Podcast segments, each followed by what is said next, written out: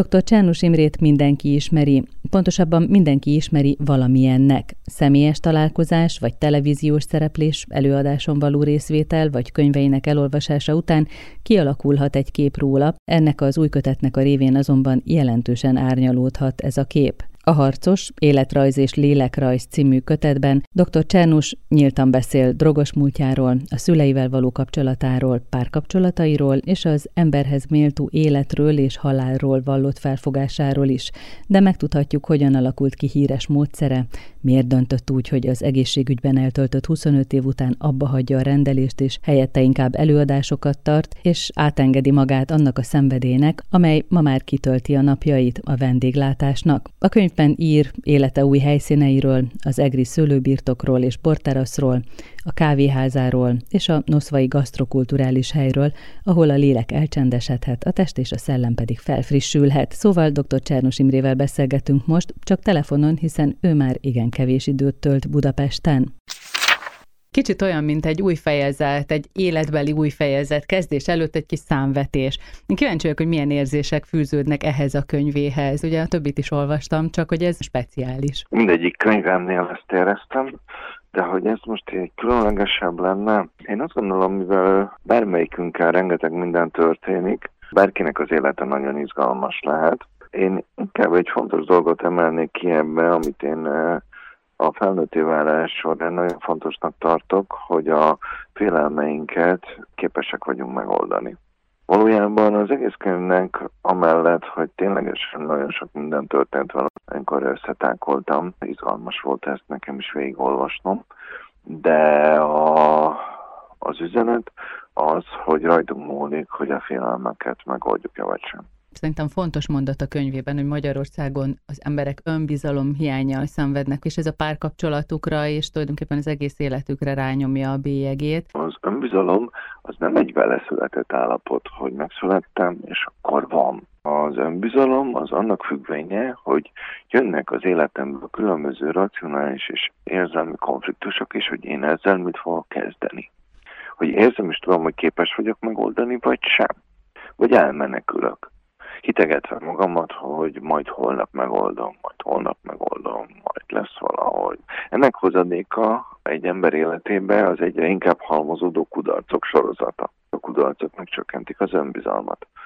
Tehát az önbizalomfejlesztés az csak is tudatos lehet, önközüleg egy másik ember nem adhat nekem önbizalmat, mert az én konfliktusaimat csak én oldhatom meg, az én félelmeimet én oldhatom meg, mert ami nekem tegyük fel félelem, az a másiknak lehet, hogy semmi. Azt írja, hogy ö, ugye mindenki hisz valamiben, és hogy ön önmagában hisz. Ez töretlen volt? Tehát, hogy ez egy alap önnél? Ah, mert ö, amikor ö, annak idején elkezdtem egy csomó új dolgot, én azt ösztönösen csináltam, valamint kíváncsi voltam, hogy hogy működik, valamint megállapítottam, hogy amit mondtak nekem, hogy ahogy csinálnom kellett, különböző dolgokat, az nem működött. Orvosként?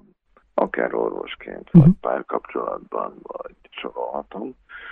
És hát szépen lassan a tapasztalatszerzéssel hát lehet azt is, hogy hát bölcsebb lettem, de azt tudom, hogy itt 53-ban, számomra is furcsa, hogy már 53-ban vagyok, mert egyrészt nem érzem magam annak, másrészt főként tudom azt, hogy az életemben jöhet akár örömteli vagy fájdalmas dolog, én képes vagyok mind a kettőt megoldani, sőt belemenni.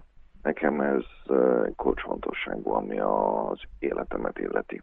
Érdekes volt nekem, hogy azt írja, hogy 14 éves korában pap szeretett volna lenni a nagyapja hatására, emlékére, és aztán inkább jó orvos.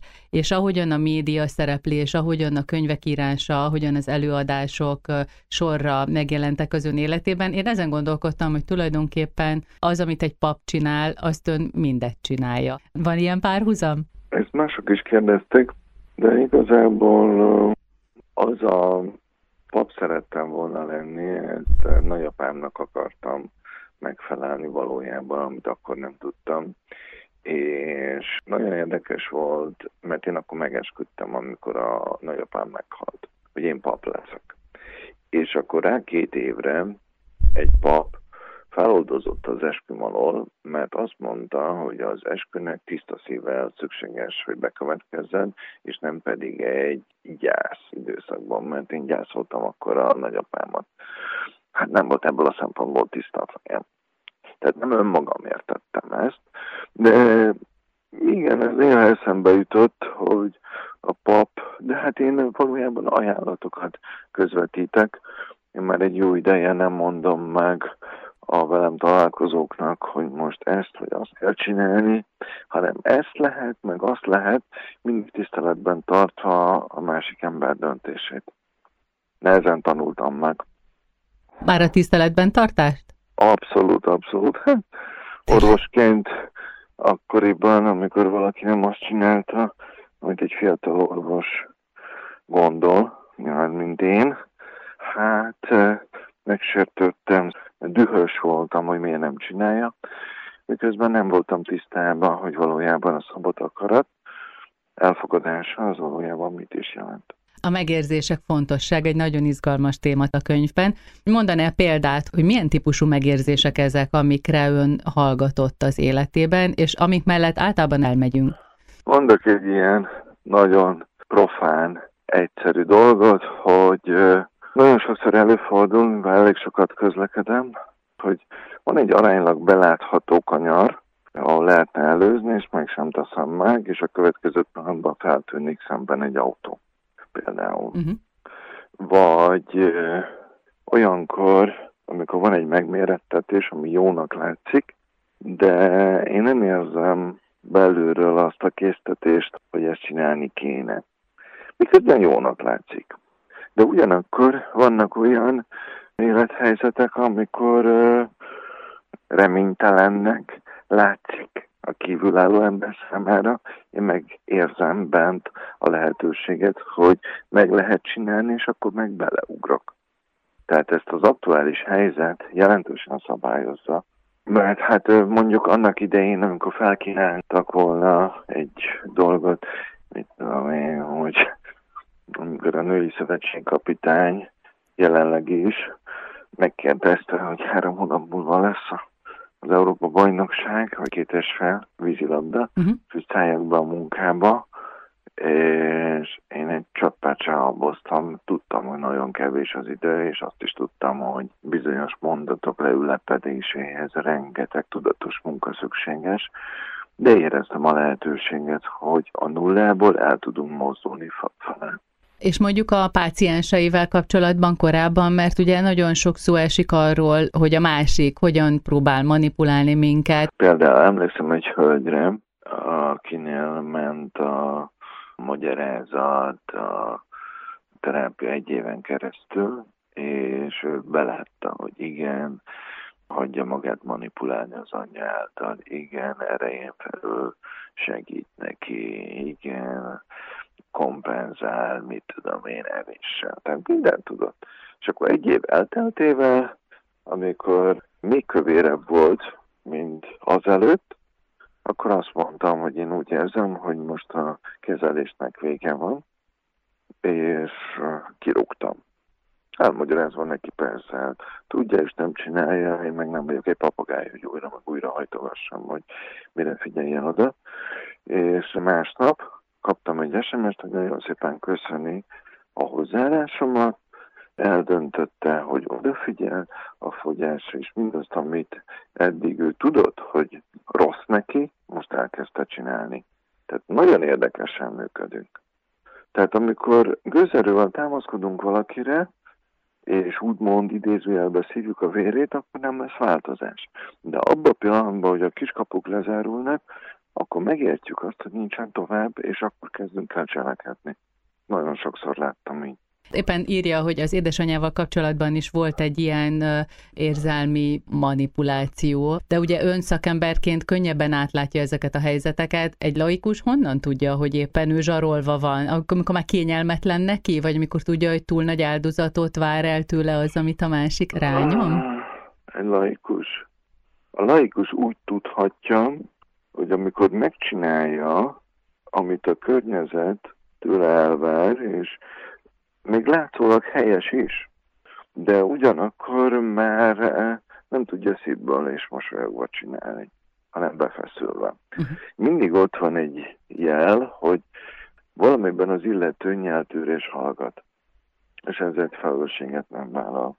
Azért is említettem az édesanyját, mert olvasni az ön szüleivel való kapcsolatáról, és az is eszembe jutott, hogy látunk egy sikeres, rendkívül szuggesztív embert, és sok olyan pontról ír az életében, ami nehéz volt, ami erőt próbáló volt, például a szüleivel való kapcsolatában is voltak ilyen nehézségek. Azért is írtam le, igazából nem gondolkodtam rajta, én ezt természetesnek éreztem, hogy amire én rájöttem, azt nem könyvekből, szereztem meg, én empirikus ember vagyok, tehát a megtapasztalások azok, amelyek segítenek a fejlődésemben.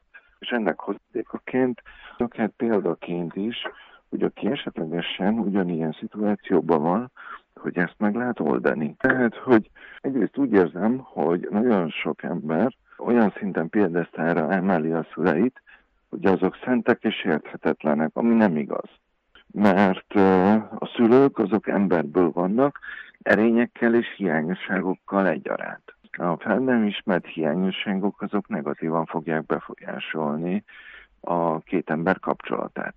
Mert az egyik okvetlenül terrorista lesz, a másik meg elnyomott egy adott szituációban. És a szülőknek is fontos, hogy felismerjék, hogy nem szégyen beszélni a hiányosságokról, az kétségtelen, hogyha csak beszélek és ezeken nem változtatok következetesen, akkor már tudni fogom, hogy én vagyok a felelős azért, hogy a tiszteletem csökken, a megbecsülésem csökken. Nem azért, mert hogy a környezetem az hülye, hanem hogy én vagyok a szószátjár, hogy felismerem, tudom, és semmit sem változtatok rajta. Amikor arról ír, hogy milyen könnyű volt akár önnek is belecsúszni a drogozásba, és milyen nehéz róla egyedül lejönni. Kíváncsi vagyok, hogy ez a tapasztalás ez számított-e valamit a pácienseivel, a drogos pácienseivel való kapcsolatában? Igazából nekem nem, mert a tapasztalatlan segítő az elkezd kutakodni a másik ember életében abból a szempontból, hogy mit, mennyit, hányszor, hogyan, kitől, stb. De valójában ez nem fontos. Ez nem fontos info, hogy mennyit használt, meg honnan szerezte be, meg milyen kriminalitásokat csinált meg. Nem ez a fontos. Nem az a fontos, hogy az illető ember egy adott konfliktus, életkonfliktus elől menekül, és ezt a feszültséget kompenzálja a droggal. Ez a fontos és rájöttem arra, hogy igazából a megvonási tünetek után a valódi munka, amikor az illető ember szembesül mindazzal, a rengeteg helyzettel, amit ő nem oldott meg önmaga életébe, és akkor már tisztán kapja nyakába. A legtöbb ember azt gondolja, hogy ha valaki abba hagyja a piálást, vagy a drogozást, hogy akkor meggyógyult. Hallósz? Bocsánat. Tehát abszolút nem gyógyult meg.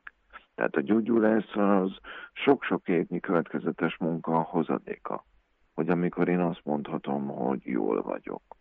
De főként, amikor jön egy éles helyzet, és nem esek pánikba, hanem tudatosan arra törekszem, hogy oké, okay, most nehéz, de akkor hogy mik azok a lépések, amelyek szükségesek, hogy kimásszak ebből, amit okoztam önmagamnak, mert nem értékeltem megfelelően bizonyos jeleket.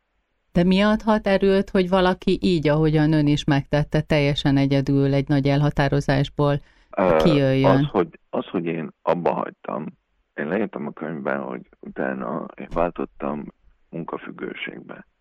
Sőt, szerintem társfüggőség is volt. Tehát a függőség csak átváltozott, ez a cseberből vederbe kerültem.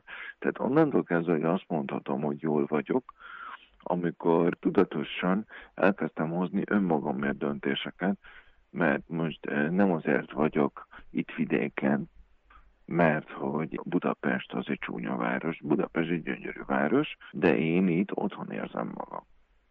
Amikor döntéseket hoztam, hogy, hogy éreztem azt, hogy én egy másféle impulzusokat szeretnék önmagamnak. Másféle életet szeretnék élni, mert most itt ülök a diófa alatt miközben beszélgetünk. És mondjuk Egy... hol nincs, ahol nem szeretne lenni? Mondjuk mi van ezzel szemben, amit már nem akart? Egy rendelőben, a... egy pacienssel, vagy problémával? Nem, nem, nem, nem. Egy nagyvárosnak a negatív energia szmogjában. Az elégedetlenség, a feszültség, a rossz indulat, az irítség, ami persze itt is akad, mert találkozom ilyen emberekkel, de az, ami ott egy nagyvárosban van, és teljesen mindegy, hogy most mi a neve, ott az emberek rohannak, nagyon fontosnak érzik magukat, elégedetlenek, feszültek, stb. Persze nem minden nagyvárosban, de az urbanizációnak sajnos ez a hordalék, hogy emberek élnek egymás mellett, és azt se tudják, hogy ki a szomszéd, és egyáltalán nem köszönnek a szomszédnak, akár sok-sok éven keresztül. A bor, a kávé, a kávézó viszonylatában érik olyan erős impulzusok, amit szeretett korábban az elmúlt 25 évben a munkájában? Vagy van olyan siker? Az emberek mosolya, hogy jól érzik magukat. Mindabban, amit én elgondoltam, hogy működhet a vendéglátásban a munkájával kapcsolatban, meg tulajdonképpen azzal a képpel, ami önről kialakult összefüggésben van egy érdekes szó, ez az ingerelárasztás. Erről mesélne, hogy ez mit jelent? Az ingerelárasztás az azt jelenti, hogy valójában többféle hozzáállás van. Az egyik a lassú most, amikor az információk csepegtetve jönnek. A másik, amikor rengeteg információt kapok, arról, hogy például, csak levezetek egyet, az illető azt mondja, hogy jól van. Mondom, szépen jó, mert nem mosolyog. Ö, hát azt mondja, de én jól vagyok a kapcsolatomban. Mondom, az ember akkor nem mosolyog, és azt állítja, hogy jól van, amikor van behazudik magának. És akkor tempóváltás, és megcsalta már a párját? Nem. Fejben mondom, mikor? Hát azt mindenki csinálja.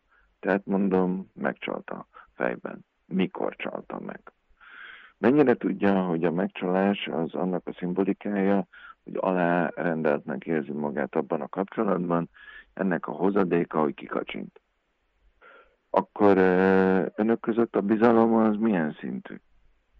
70%-os. Hogy lehet a bizalom 70%-os, amikor a bizalom a 100%? Akkor ez egy őszinte párkapcsolat? És akkor hallgatás és ez csak körülbelül másfél perc volt. Miért tartotta fontosnak, hogy például a korábbi kapcsolatairól esetleg a kudarc élményeket is leírja? Olyan érdekes. Nem zavar. Miért zavarna? Hát, Tapasztalás? Nem, hanem hogyha egy traumatizáló élmény a helyén van kezelve, akkor onnantól kezdve nyugodtan tudok beszélni. Hát én sem, hogy is mondjam, nem vasból vagyok, hanem mindenféle dolog történt velem, és hát feldolgoztam őket, és hogyha valamit feldolgoztam, akkor miért ne írnám le? Olyan típusú ember, aki ugyanazokat a hibákat követi el a párkapcsolataiban, vagy ugyanazokban a helyzetekbe csúszik bele? Ö, nem. Elkövettem, de egyre gyorsabb vagyok a felismerésben és a korrigálásban. Még egy dolog, miközben egy ilyen megbékélt állapot, egy nagyon erős személyiség révbeérését látjuk, de hogy, hogy mégis ennek a könyvnek harcos a címe. Miért? Számomra az az ember a harcos, aki megoldja a félelmeit. Ettől még nyugodt és békés. De hogyha jön egy helyzet, akkor képes bármilyen tempóváltásra. Nekem az harcos. Miközben a katona meg csak? A katona fél. Teljesíti a parancsot, és hagyja, hogy a félelmei erősebbek legyenek. Mert itt nem a másik parancsárnak a teljesítéséről van szó, hanem mindenki önmaga félelmeivel konfrontálódik, vagy nem. A harcos életrajz és lélekrajz dr. Csernus Imre könyvét a Jaffa kiadó jelentette meg.